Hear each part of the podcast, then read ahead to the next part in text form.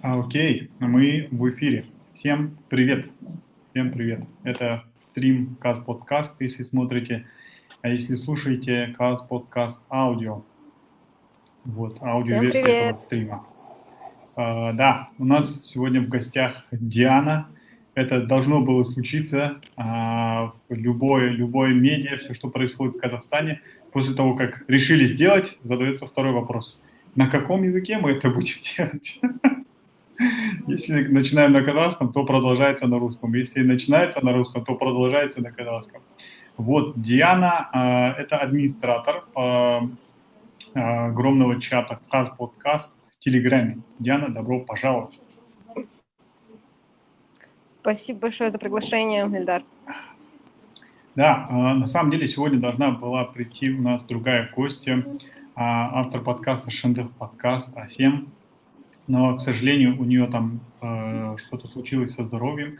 Э, мы желаем ей, чтобы она не болела, чтобы у нее все там нормально было. А, поэтому получился такой ну, срыв, да, почти. И я срочно Диану попросил поучаствовать, э, поговорить о подкастах Казахстана. Вот, и Диана любезно согласилась, спасибо большое. Потому что, с одной стороны, я почему пригласил? Я знаю, что ты очень много знаешь про подкасты Казахстана. Ты слушала их много, ты прям переживаешь, пишешь им отзывы постоянно, там выкладываешь новые эпизоды, которые мы не видели, да, или там подсказываешь какие-то интересные моменты, поэтому да. А, и вообще сама собираешься делать подкасты, и это вообще круто. Вот по этой части. Вот. Это, смотри, да, Ян, это, это, это, это разговор, это не интервью, это просто беседа. Сейчас, если кто-то будет задавать вопросы, мы будем отвечать э, вот в этом плане. Поэтому э, смотрят нас не так много народу, как хотелось, поэтому можешь не волноваться. Там, типа, если 10-20 человек наберется, это вообще э, на данный момент считается очень крутым э, показателем. Вот расскажи, расскажи про этот, про этот чат. Что это за чат, почему ты его создала и чем цель его? Ну да, причина, причин много было. Первое, что дело в том, что у нас в, в, в каждом подкасте есть свой чат. И ты, получается, в Телеграм заходишь в этот чат, присоединяешься, оставляешь свои отзывы, и оно у тебя как-то накапливается. Два, три, четыре, пять. И потом думаешь, ну почему бы не создать общий один подкаст и обсуждать все вместе? И общий один чат один для всех был, подкастов. один чат, да, да, один чат, извини, mm-hmm. да. Спасибо, что mm-hmm. это скорректировал. И почему бы не, э, ну, почему бы не создать такой чат и не обсуждать все вместе? Это такая причина в каждом чате нужно лестно говорить о самом подкасте, о хостах, нельзя критиковать, нельзя говорить, что я не согласен. Вот. И если ты скажешь об этом, то ты попадаешь в черный список, э, как будто бы слушатель как будто бы слушатель обесценит э, весь труд хоста. И администраторами этих чатов, то есть самими хостами и их близкими друзьями, это как бы банится.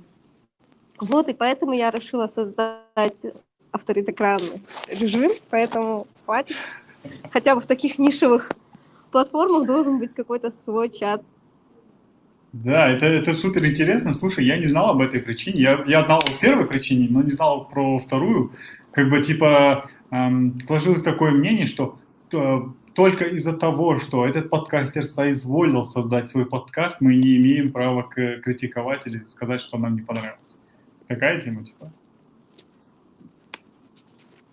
Да. Нет, это не в смысле того, что я э, была забанена этими чатами, вот создала свой общий чат. Нет, не из-за этого. Просто я думаю, ну, ну, почему нет? Нужно ведь обсуждать и плюсы, и минусы. И для них хорошо, и для нас хорошо.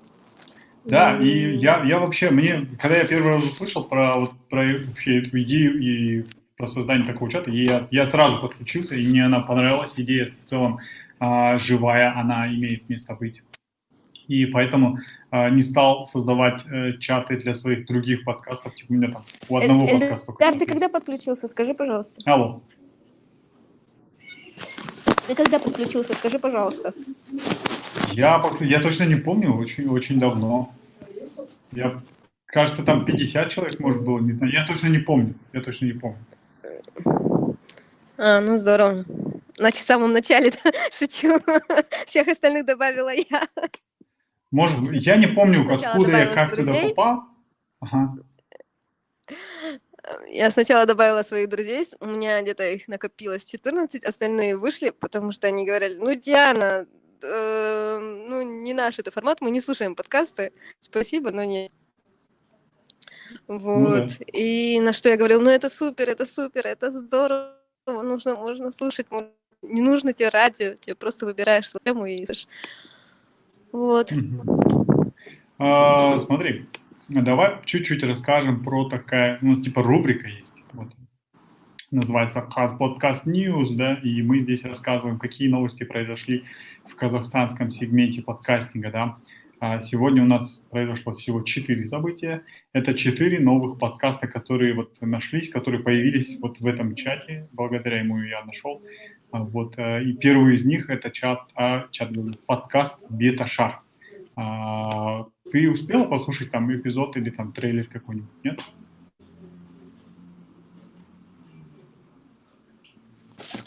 Знаешь, такая связь плохая. Да, м-м, походу. Что бы сделать? Извини, пожалуйста, я угу. твой голос. Окей. У нас прям очень очень нестабильная связь.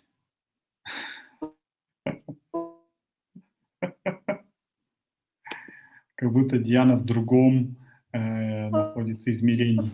Откуда-то там вещает. Может, ты попробуешь переподключиться? Может быть, из-за этого? Как думаешь? Хорошо. Хорошо. Я сейчас Диане напишу приватно, да.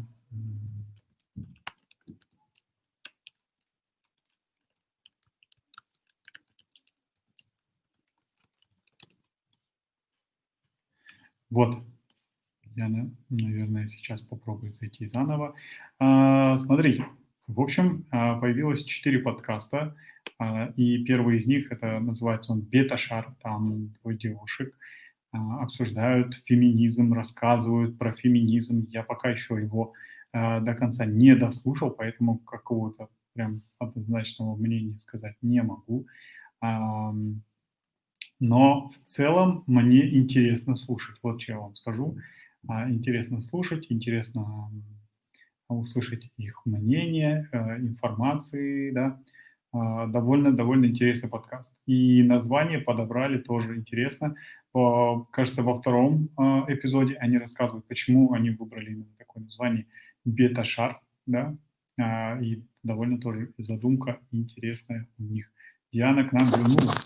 Диана, с возвращением. Эльдар, извини, пожалуйста, что был такая разминка. Теперь ты меня хорошо Еще, слышишь? Я тебя хорошо слышу, да, как и до этого. Вот. Круто, мы, знаешь, как, как какое-нибудь такое Можешь? большое телевидение. Э, типа, сейчас мы ждем, да.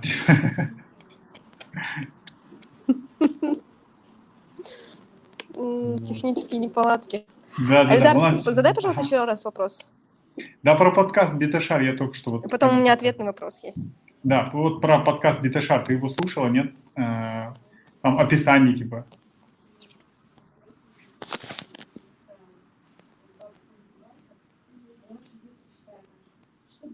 Подкаст Бета-шар, ты его слушала?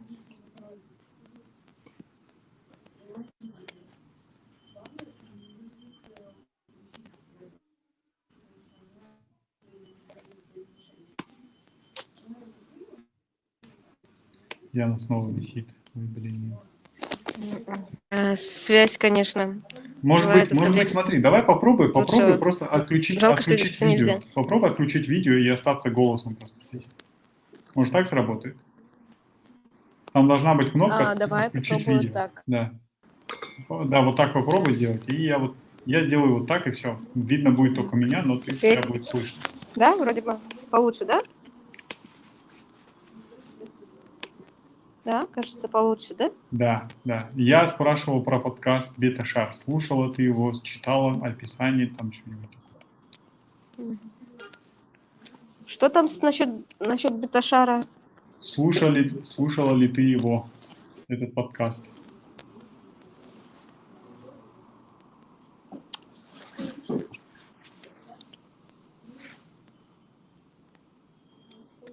Диана, слушали ты, слушала ли ты подкаст Беташар? Слышишь ли ты меня? Раз, два, три. Беташар нет, я не слушала. Я могу тебе опис- сказать, какие я слушаю. И ты мне скажешь из казахстанских, какие ты слушаешь, кроме своих учеников. У тебя же есть еще свои ученики. Хорошо, давай, давай, давай Подкасты. попробуем. Я, я открываю свой э, подкаст-плеер и поговорим. В целом, Да, короче, нет, бета-. Беташар, я расскажу вкратце Нет, про я Беташар. Это Подкаст не слышала. про, короче, они разговаривают про феминизм там. Вот.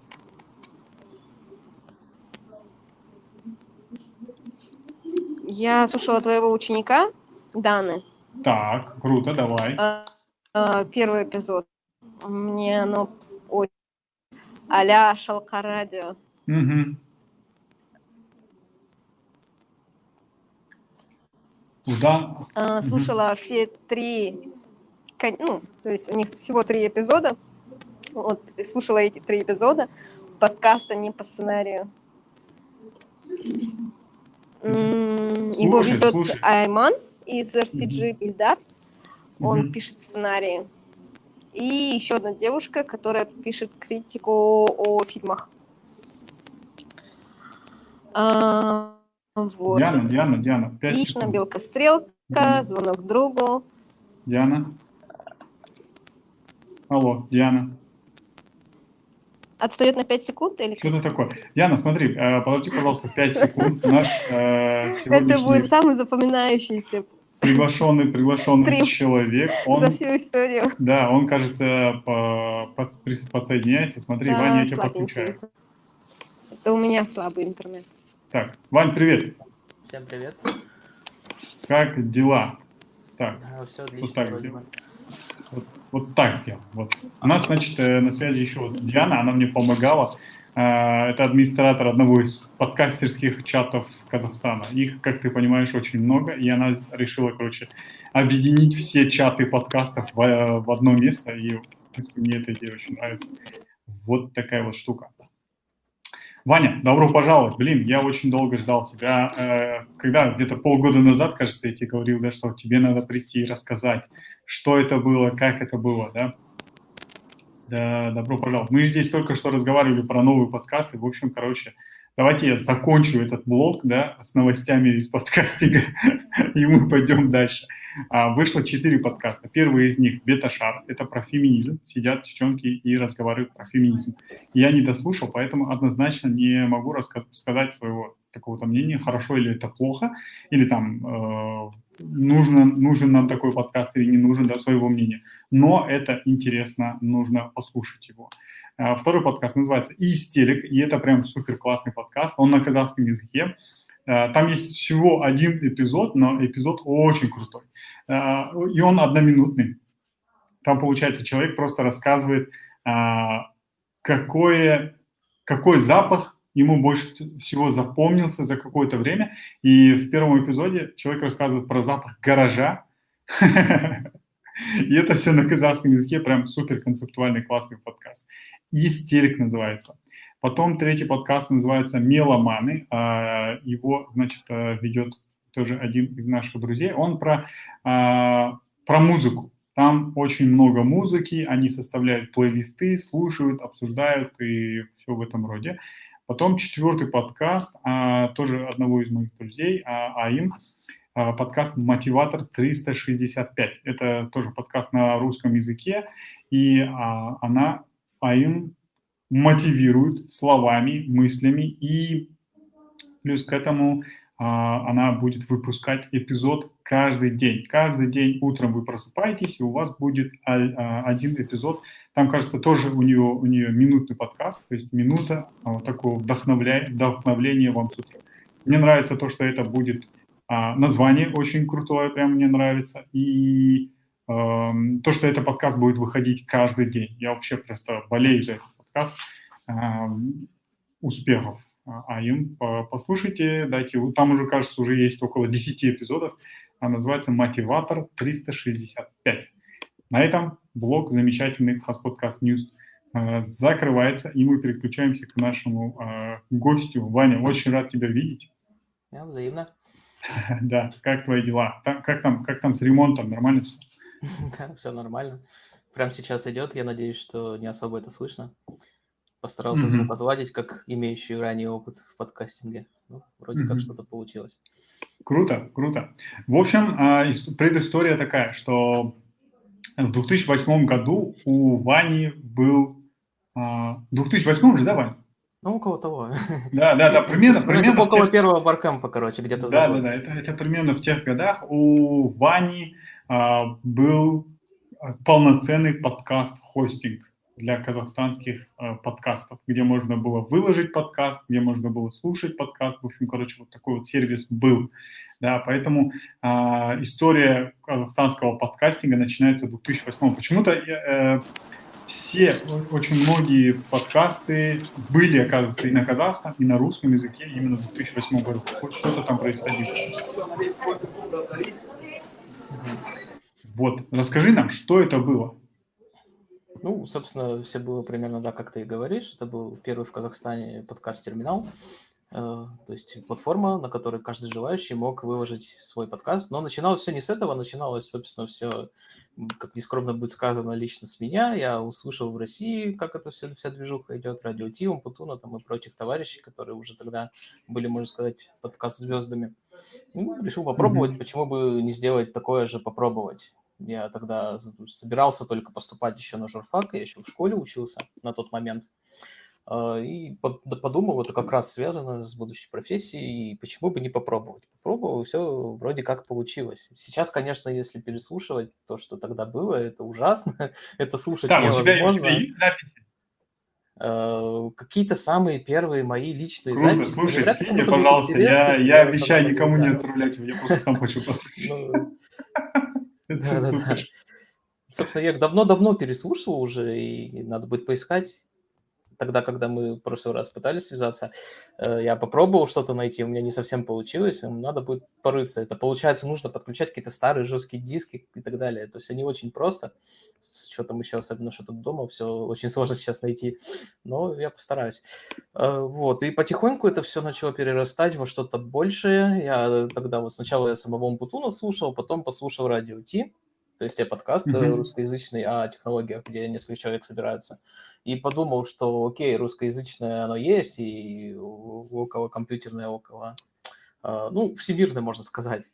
А, темы обсуждались абсолютно разные, там, об американских IT-компаниях и всех других.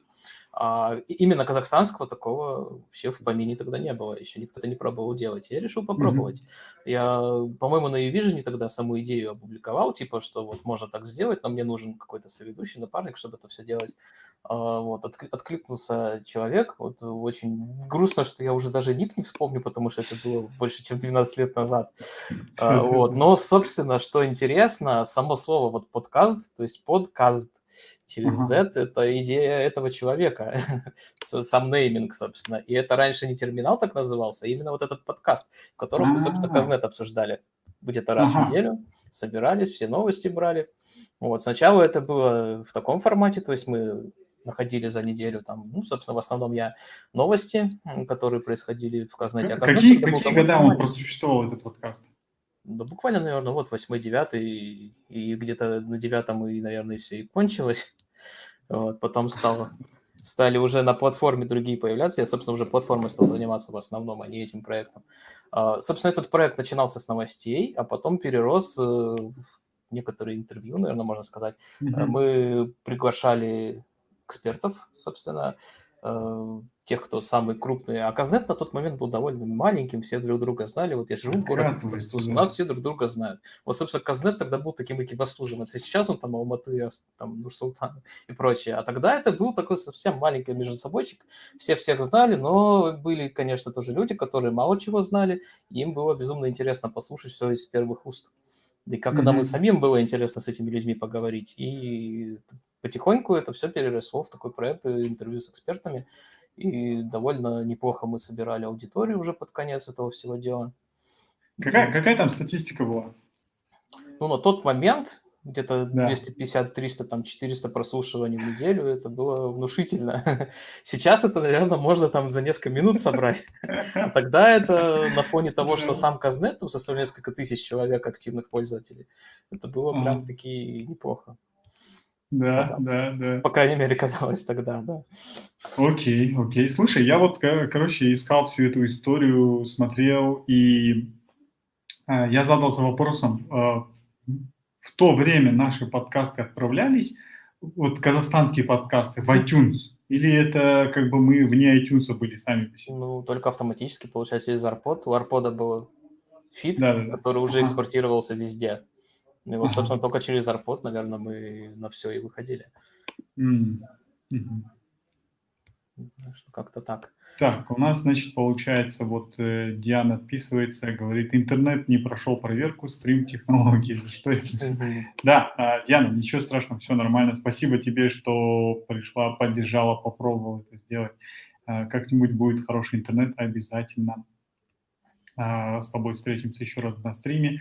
И Диана передает тебе привет. Взаимно. Не успели особо познакомиться, но... Да, но не, я, я думаю, это дело времени. Вот, в общем, была вот такая движуха. Смотри, а сколько тогда примерно, примерно сколько подкастов было в Казахстане, как ты думаешь? Ну, ну, на самом пике штук э, около, не знаю, несколько десятков, 20-30 mm-hmm. где-то в этих пределах. Что тогда, mm-hmm. опять же, казалось это внушительно для нас, потому что начиналось это все с одного, и никто не планировал, что это разрастется до чего-то. Пусть сейчас это выглядит не так э, презентабельно, но тогда это казалось таким мощным проектом. Э, знаешь, это, это важный момент, потому что нам, нам нужно знать, я считаю, что нам нужно знать вообще, что было тогда, да, то есть и, э, многие думают, что казахстанский интернет начался вот-вот, да, а он там начался где-то в конце 90-х, да, чего там не было. Потом еще одна волна вот пришла на 2007, 2008, 2009 года, да, почему-то прям в это время вот интернет очень такой прям активный был. Вот. Потом следующий, следующая волна была где-то 2000, наверное, 11-12 году, прям, прям такой всплеск был. Вот, смотри, а, получается, каст подкаст потом, а он, а, что с ним, что с ним потом случилось?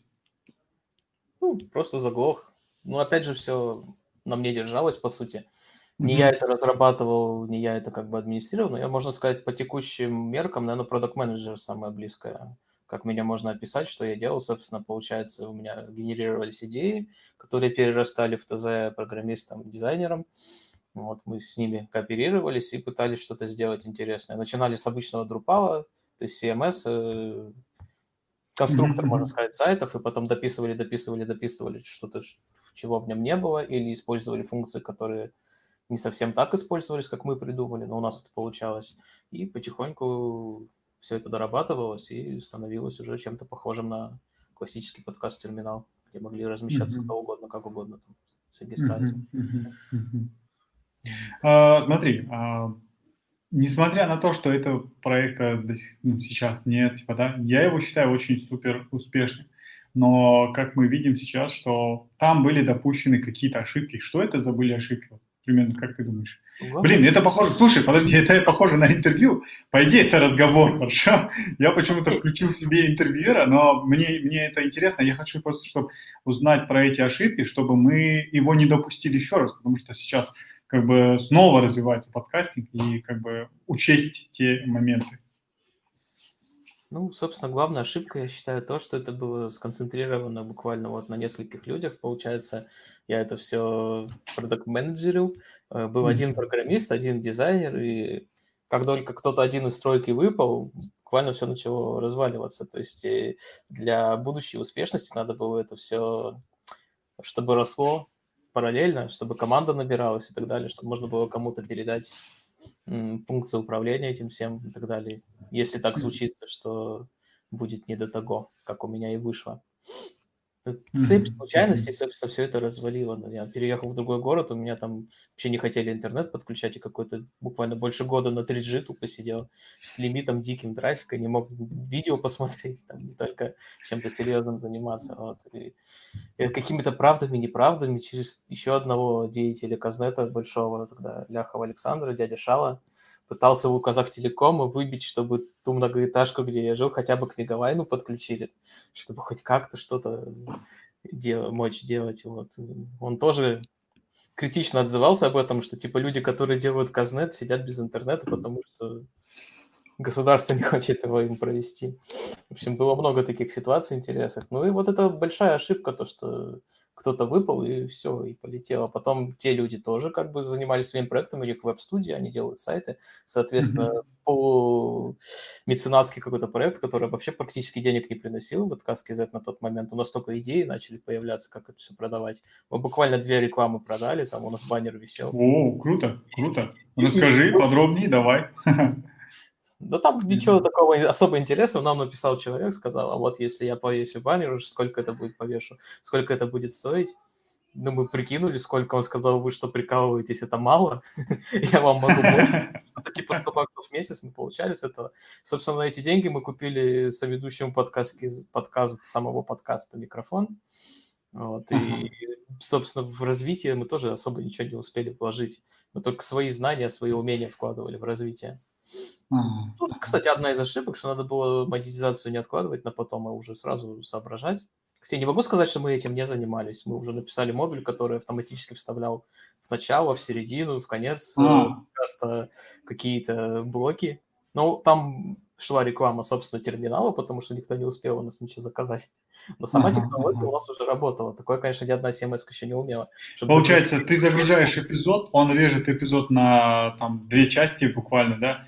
В начале ставит... Э, свою... Ага, ага, понятно, понятно. И так вот оно работало. Оно у нас уже работало, там были наши, наши рекламы, самих себя в начале. Но, к сожалению, это дальше не пошло, хотя могло бы. Потому что с ростом популярности, я думаю, рекламодатели бы тоже подтянулись. С учетом того, что Казнет был маленький, все друг друга знали, и платформа была не маленькая по тем меркам того времени. Я думаю, пришли бы люди. Но вот цепь случайных событий все это развалило. Понятно. Не, вообще, проект, конечно, супер классный на тот момент вообще, да, и если учесть, что сейчас в Казахстане вообще такого нет, да, типа все там иностранные в России только, да, их парочка, и то они прям пока на костылях они обещают, там, типа, лучше, все такое, да.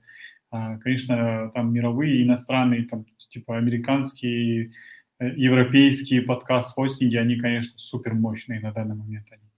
А, поэтому у меня был а, такой вопрос.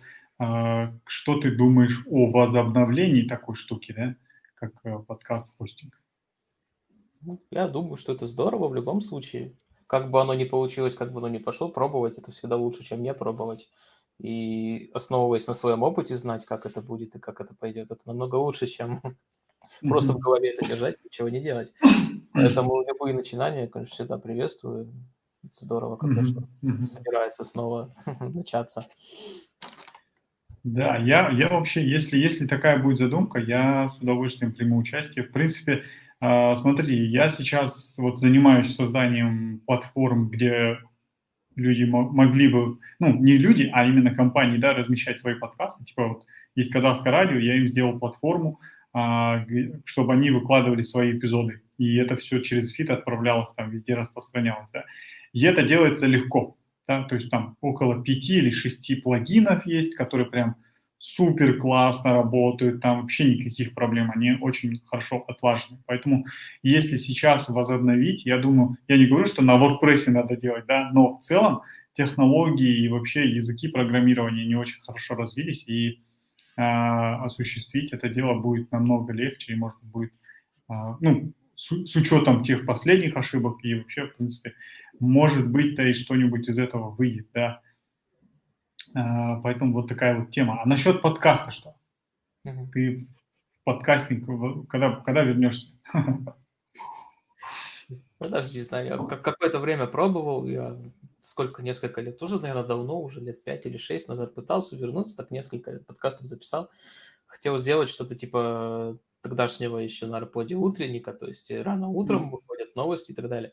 Я это наоборот сделал, типа вечерником, потому что я встаю около 12 дня обычно. У меня как-то вообще не покатит, если только за день его записывать. Но это же совсем не то, это не свежая инфа уже. А вот если вечерком, там после обеда все это записывать и выпускать, я попробовал, в принципе, было неплохо, но получилось так, что у меня на хобби времени особо не остается. Раньше, mm-hmm. когда я учился в школе, там, в институте и так далее, это все равно было еще не совсем взрослая жизнь. Можно было пренебречь чем-то другим, чтобы занять время на хобби. Сейчас надо зарабатывать, и, собственно, поэтому не так много остается времени. Ну, опять же, было бы желание, наверное, можно и выходные там использовать на это и так далее. Короче, да, да, да. Какая Нет, могу... э... да, я вернусь. А, Вернусь ли вообще? Почему же? Ну, смотри, сейчас намного легче вообще подкаст запустить. А вот попробовать выстрелить в новой платформе уже. А так сейчас мало представляю даже, типа, куда это все можно. Ни арпода уже нет, ни, ни конкурентов арпода, собственно. Если напрямую, только в iTunes все это пытаться выложить. Смотри, э, сейчас такая... Я тоже как бы был на арподе, слушал там казахов в Канаде, да, Биг подкаст, вот этих всех там э, про там Бахтанга, да, и всех слушал. И, и, и сравнивая, я одну штуку заметил, что на Арподе была такая штука, что очень мало рассказывали про то, что вообще подкасты, ребята, это про телефоны, да, это про то, чтобы быть э, дальше от э, компьютера, да, типа там гулять, чем-то заниматься, да, каза... преподносилось это как будто, что ты там должен сидеть и только там слушать подкаст, только на арподе, да. А сейчас тема такая, что э, нужно просто понять, что ты выкладываешь где-то, пофигу, то, то там, допустим, тот же Anchor FM есть, и эта, эта штука распространяется прям вообще везде.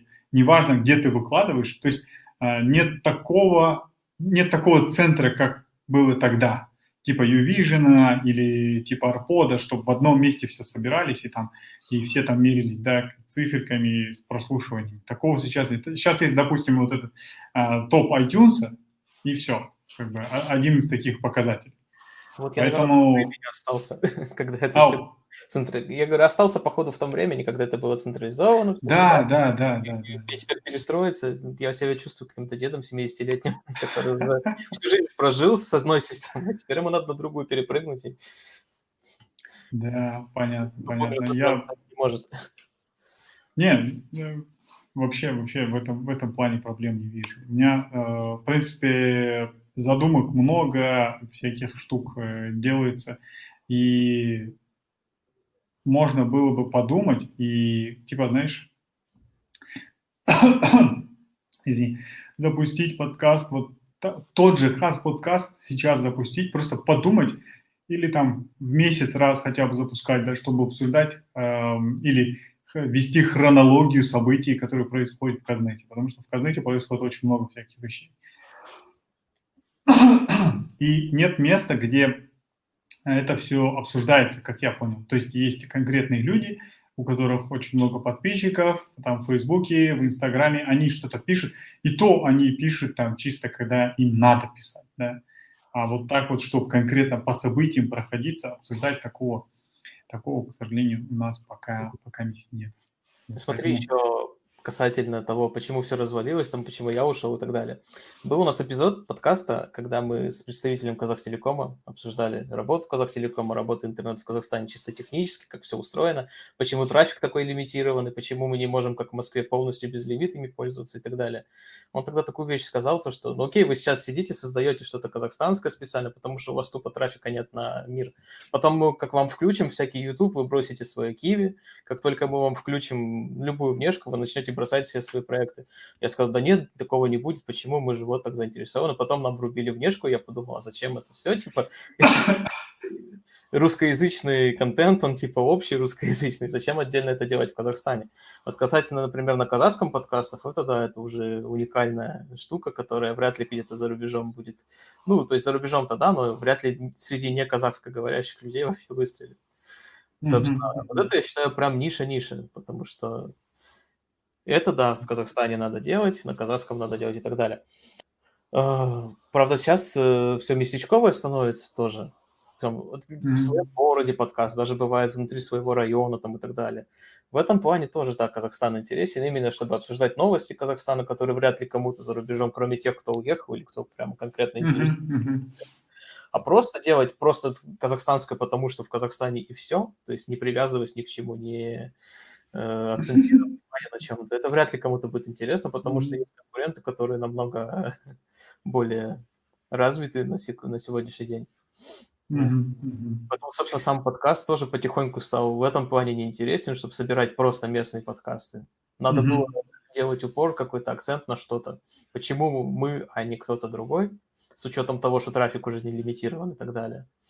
Слушай, а, расскажи, расскажи, пожалуйста, эту историю с э, лимитированием вот этого трафика, потому что я помню эту штуку, историю. Сейчас могут нас услышать люди в записи там, да, и сказать, о чем это они вообще говорят? Расскажи, что это за была история? Было все просто. Был, сейчас у нас есть безлимитный интернет. Мы заходим, куда хотим, не следим за трафиком, смотрим там всякий YouTube. Вообще редко кто заходит в личный кабинет, чтобы посмотреть, сколько гигабайт намотал за месяц. В Казнете тогда было так. Лимит на общий интернет давался там, ну, скажем, 7 гигабайт, 8. А все, что по Казахстану, это было не лимитировано. Соответственно, если ты скачал там 5-6 фильмов по 2 гигабайта, все, у тебя режется очень скорость на внешний мир, но при этом остается нормальная скорость внутри Казахстана. Поэтому, соответственно, все стремились контент потреблять, особенно тяжелый контент. А тогда аудио это еще был тяжелый контент, потому что лимиты низкие были. Все старались это делать внутри страны, не выходя никуда, потому что если все будут AirPods слушать, у всех кончится трафик, и все будут сидеть на очень-очень медленном интернете, хуже диалапа. Угу. Поэтому тогда это очень важно было, чтобы это все было обязательно внутри страны. А да. если кто-то местный свой какой-то подкаст выложил э, где-нибудь не здесь, то у ага. него слушатели падали очень сильно, там с 300 до 20, например, потому что никто трафик тратить не хотел. Мы как-то ехали с товарищем в поезде, мы даже стартап придумывали, такой круг, разделенный на сектора, в центре написано внутри .kz, и там типа такие сектора, видео здесь, аудио здесь, там то-то здесь, то-то здесь, и это казалось, что выстрелит, потому что. Сейчас это, конечно, очень странно звучит. Но... Да, это сейчас звучит реально супер странно и дико, типа, что? Ага. Ну, это было реально. Раньше было, ну, теперь, теперь даже конкуренция есть, теперь не, не Казахтелекомом единым, несколько провайдеров, которые между собой как-то все-таки нет-нет конкурируют, что-то пытаются тоже предоставлять. Уже да, мало у кого меньше 100 мегабит дома, а тогда 8 мегабит ADSL. Это все да. Мне в то время прям очень супер повезло. Я, короче, был э, практикантом в одном институте, и потом меня взяли на полставки. А у этого института была своя тарелка, короче. Прям спутник сразу стрелял. И типа никакого, ни о каком лимите там речи не было. Типа можно было пользоваться и так, и так. Поэтому я э, как бы не, не так остро прочувствовал то, что вы жили. Я слышал много о, об этих лимитах, там безлимит, потом еще касторка была, там типа все такое, как бы, но я как бы об, обошел, обошел эту штуку стороной. Если бы меня 12 лет назад кто-то разбудил и сказал, что у тебя через 12 лет будет 500 мегабит, я бы сказал, я столько не потяну никогда, сколько это платить надо, и все такое, это тупо не поверил бы. Сейчас это уже да. реальность. Мне кажется, еще, э, еще одной а, таким, знаешь, гвоздем, да, в 2008 году или там вот в 2010-х, да, скажем, э, годах, а, для того, чтобы подкастинг не очень так развился, был, было то, что технологии были не, не так развиты, как сейчас, да, то есть тот же самый интернет, скорость интернета, те же самые телефоны, у которого я, ну, просто если прикинуть, вполне возможно, что, ну, у меня две, да, два смартфона, типа один iPhone и один еще на Android, чтобы вообще, прям, чтобы точно работало, да, все. Поэтому в то время это было вообще дикая вещь. Я, я помню, я там скачивал эпизод с, с Арпода, э, загружал на свой Sony Walkman и потом шел по улице, слушал. Как бы сейчас вообще об этом речи нет. Ну да. Вот такая вот штука Примерно. была. У меня вот iPod появился примерно тогда же, когда... А, iPod, да. Я его Ша- купил. Шаффл, да, да, да. собственно, был тогда. Он сюда приезжал с учебы летом, и мне через... Не слышно, не слышно.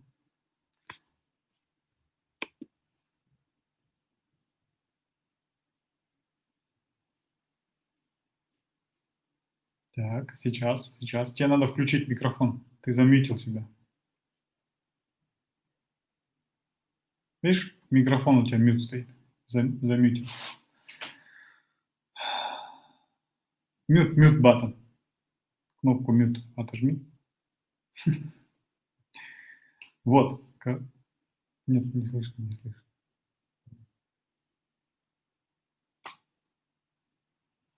Вот у микрофона прямо у тебя мют стоит, видишь, микрофон у тебя перечеркнутый рядом с именем. Вот, один, вот. Два, один, Все, два, вот, два. вот, вот так, по, теперь появился. я тебя не слышу. Почему? Так, так, так, а как нам быть? Так, так. Раз, два, три, четыре.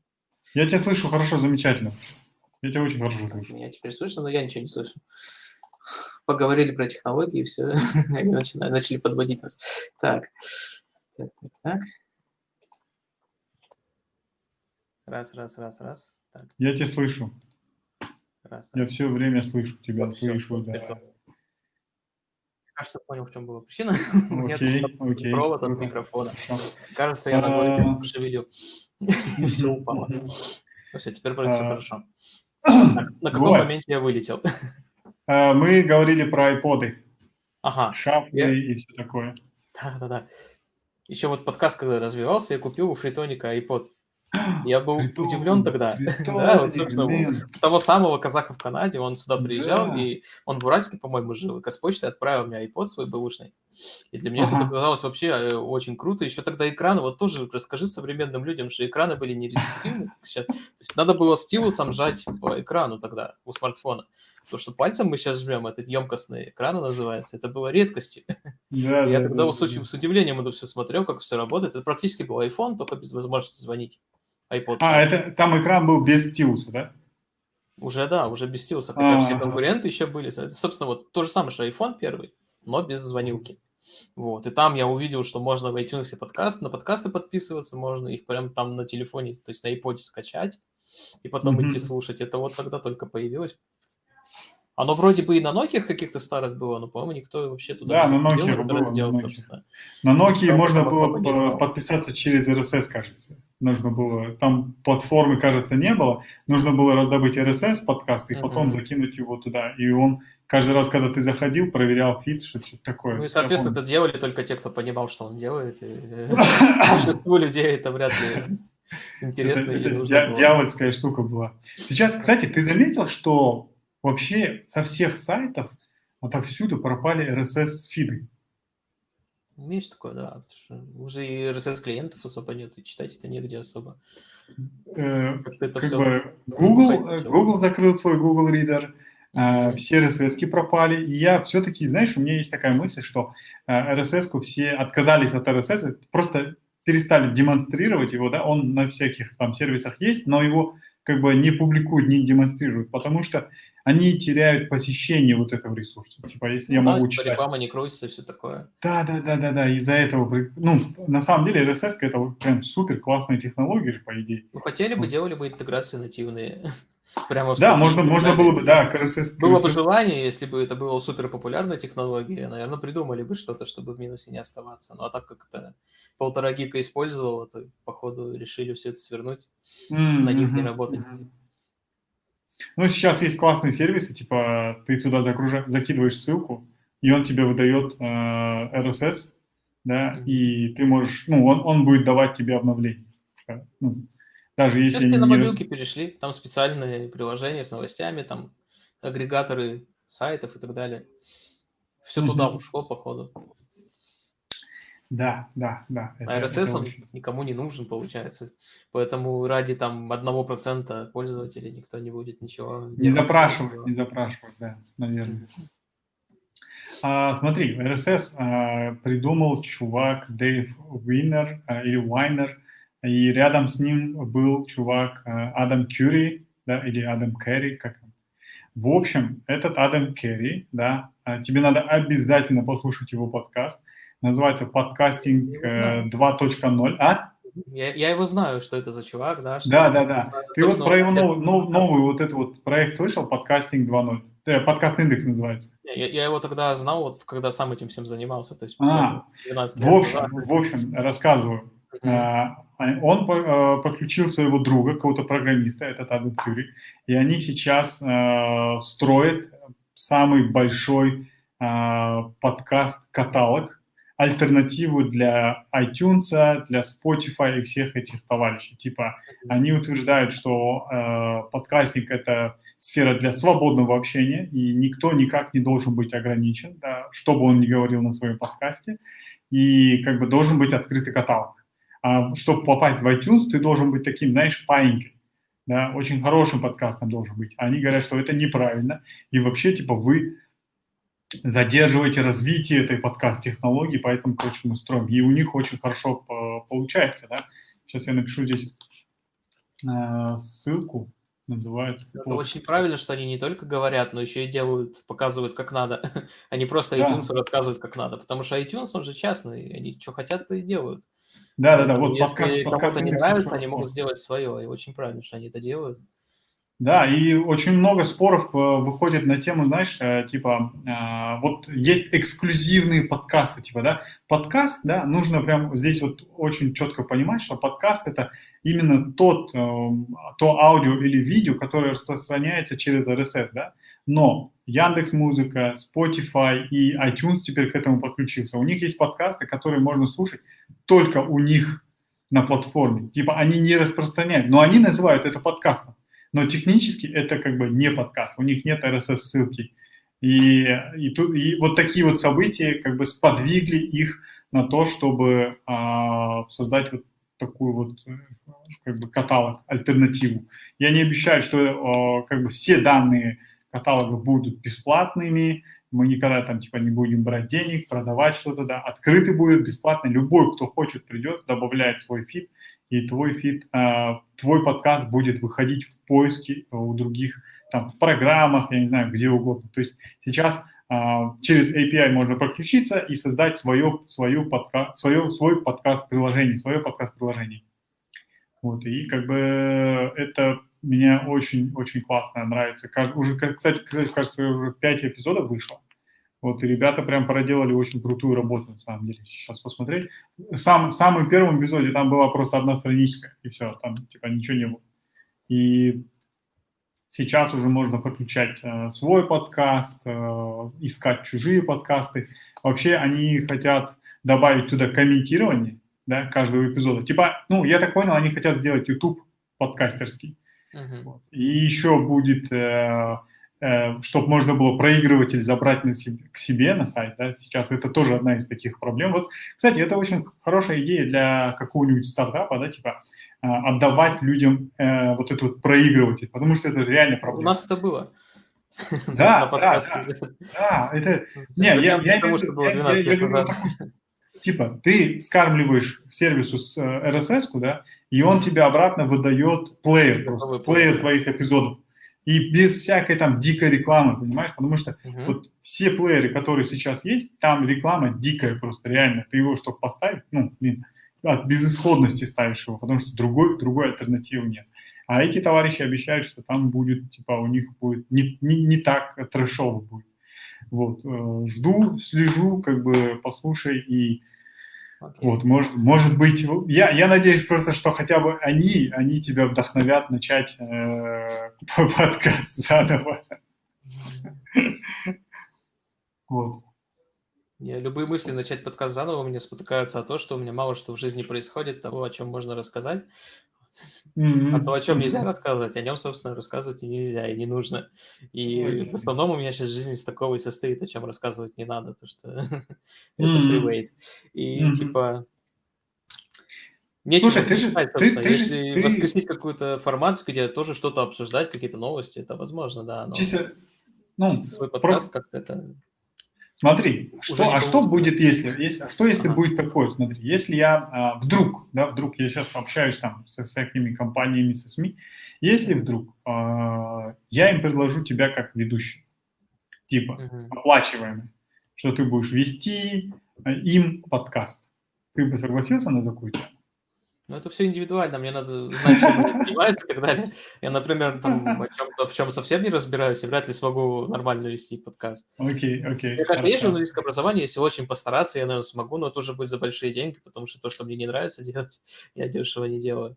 А если что-то будет по душе, какая-то, не знаю, там, контора...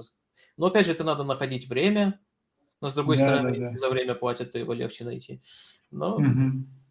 в общем, это все обсуждаемо и индивидуально. Окей, окей. Это, это просто такое. А, в общем, короче, есть сейчас такой стереотип. Блин, как бы жалко, что ты не отошел от этой всей темы, потому что происходят супер классные и интересные вещи, да? Mm-hmm. Типа а, происходят конфликты между подкастами. В одном подкасте обсирают другой подкаст, и этот подкаст обратно обсирает этот подкаст кто-то уходит э, из хоста, да, сегодня вот тоже э, один человек тоже отвалился, потому что не смогла прийти, у них там что-то произошло в подкасте, и они решили типа разойтись. Mm-hmm. И один человек уходит, подкаст разваливается, тоже такие кейсы есть. И а, самое классное, мне вот нравится то, что в подкастинге в Казахстане деньги есть, ребят. Вот я вам, если кто-то там смотрит, вдруг в записи слушает, просто тут все то же самое, что происходит в обычном медиа, там, в телевидении, там, на сайтах, да, точно так же продается и подкаст. Поэтому э, как бы считать, что мало слушают и нет э, денег, это, мне кажется, э, неправильная штука. Просто нужно создавать интересные, именно, вот, блин, все, почти все казахстанские подкасты, да, зациклены на полезности. Типа, это вот мы, мы болели в 2008 да, у нас был, если помнишь, такой лозунг «Развиваем Казнет», да, развиваем, каждый, каждый утюг развивал Казнет. Вот, сейчас это такая штука, что а, полезный контент, полезный контент, это супер полезный подкаст. Я предлагаю создавать интересный подкаст. Ребята, создавайте интересный подкаст. И внутрь этого интересного подкладывайте полезное. И как бы и слушатели, они придут, они не такие, не надо в них э, сомневаться, что, блин, не разберутся, не поймут, они очень даже умные ребята. В первую очередь интересно было, должно быть самим контент-мейкером это делать, вот. потому что ты пытаешься делать что-то полезное, но при этом тебе это самому не интересно и не нужно, да, то ничего да. хорошего из этого обычно не получается. Что люди очень чувствуют искренность того, mm-hmm, о чем ты говоришь, mm-hmm. а еще больше чувствуют неискренность. Да, да, да, это, это, это есть, это есть. А, поэтому вообще а, сейчас есть один ресурс, сейчас я ссылку тоже закину сюда. Он называется NKRFM, может, ты слышал, наверняка слышал. Да? И там есть замечательная статистика, а, и эта статистика показывает, что в основном все, ну, это, короче, бесплатный хостинг для, для подкастеров, и можно аудио и видео делать. Вот. И много подкастов загружают один эпизод и все, потом не выходит. Максимум туда выходит там типа три эпизода, все. Но ресурс как бы бесплатный, абсолютно он доступный. Ну, вот, вот такая вот штука. Мне кажется, это вот связано с тем, что люди просто вдруг чем-то вдохновившись, что-то начинают, без какого-то плана, обдумывания, концепции, и на этом все это дело загибается. Поэтому о, надо, надо, надо любить то, что делаешь. Ну, да. Вот такая вот штука. Поэтому вот благодаря вот, ну, э, то, что есть вот такие технологии, как вот этот Энка, я все-таки в идее создания казахстанского подкаст-терминала, знаешь, ну, отношусь немного скептически, потому что, ну, Uh, уж, уж, уж, уж очень много нужно это вкладываться, и там нужно ориентироваться не на Казахстан, тогда уж сразу надо прям в мир ориентироваться, да, потому что конкуренция прям вообще жесткая очень э, в, в подкастинге. Технологии требуются большие. Вот Из-за всех этих тушек тогда лимитов понятно было, для чего мы это делаем, почему мы здесь это делаем, почему мы будем востребованы в этой конкретной точке и так далее. А сейчас мир изменился, Казнет изменился, и все стало немного сложнее. Когда ты что-то делаешь, да, уже сложно смотреть только на Казахстан, да, э, слушай, принципе, в принципе, если у тебя есть интересное, что добавить про подкаст-подкаст, добавляй, а у меня как бы вопросов больше к тебе нет. Окей, okay, ну, собственно, обычно добавить можно то, что интересует. А, так, в общих чертах, ну, собственно, вроде мы ошибки обсудили, mm-hmm. перспективы, они, в принципе, были на тот момент. Сейчас это немного сложнее в связи с тем, что Казнет изменился, но какие-то, наверное, есть. Опять же, я основные перспективы вижу именно в местном контенте, который либо вот на казахском языке, который mm-hmm. вряд ли кто-то будет за рубежом пытаться делать, либо направлены именно на местную аудиторию, которая интересны именно тем, кто живет здесь. Тогда mm-hmm. есть смысл именно в казахстанском. Вот. И я думаю, если на это опереться и понимать, кому и для чего делать, то уже будет проще это все делать и понятнее, как, что и зачем. Ну, в принципе, mm-hmm. как в любом начинании, важно поставить цель, понять, какими средствами ее достигать, и потом в конце кайфовать, что вот она цель, вот они средства, и вот мы ее достигли. И продолжаем совершенствоваться. Ну, естественно, первое, что нужно, это начать. Что в последнее время у меня некоторые проблемы вызывает. Ну, бывает, бывает. Ничего. Я, я, кстати, вот э, недавно поймал себя на мысли таком, что это очень супер классное чувство, кстати. Типа, ну, стою и думаю, блин, я не хочу начинать что-то новое. Все, что я до этого момента вот начинал и сейчас веду, мне этого сейчас хватает. Типа, мне просто нужно не забросить это на полпути, просто довести до какого-то логического конца, чтобы итог был какой-то и все. И это, блин, ну, за, долго, за долгие года я первый раз такое почувствовал. Это довольно приятная штука. Ну, это круто, да, вместо того, чтобы распыляться, пытаться что-то, 10 проектов вести, концентрироваться на чем-то и делать это качественно. Mm-hmm. Обычно это mm-hmm. Смотри, я тебя приглашаю э, посетить вот этот наш чат в Телеграме. Э, прям так и наберешь Хас подкаст, и там э, собраны подкастеры, подкаст-слушателей. В общем, там кое-какая движуха есть вот про, по подкастам. Не, не супер живая, вот, в принципе, есть. И этот стрим будет выходить каждую субботу. Сегодня вот такой вот вышел экспромтом эпизод, потому что завтра у меня дома завал, и еще у меня вот сегодняшний гость, гостья, она а, приболела, поэтому вот это вот немного каша получилась, поэтому я думаю, следующий, следующий стрим будут более такие э, продуманные, что ли, да, вот. Ладно, Вань, спасибо тебе большое. Okay. Завершаем. Рад был помочь, поприсутствовать. Да, э, обращайся, посещай наш чат. И всем пока. Если вы смотрите, досмотрели до этого момента, вы просто супер заинтересованы в этом деле человек, спасибо. Вот, если же вы слушаете, ну, если вы смотрите, тогда послушайте этот, этот стрим в аудио-варианте, прям наберите «Хас подкаст аудио», и там будет аудиоверсия этого стрима. Наверное, этот стрим я буду редактировать, потому что там вначале были какие-то ужасные моменты. А, вот, если же вы слушаете, тогда придите, посмотрите в субботу в 6 часов в моем YouTube-канале. Всем пока.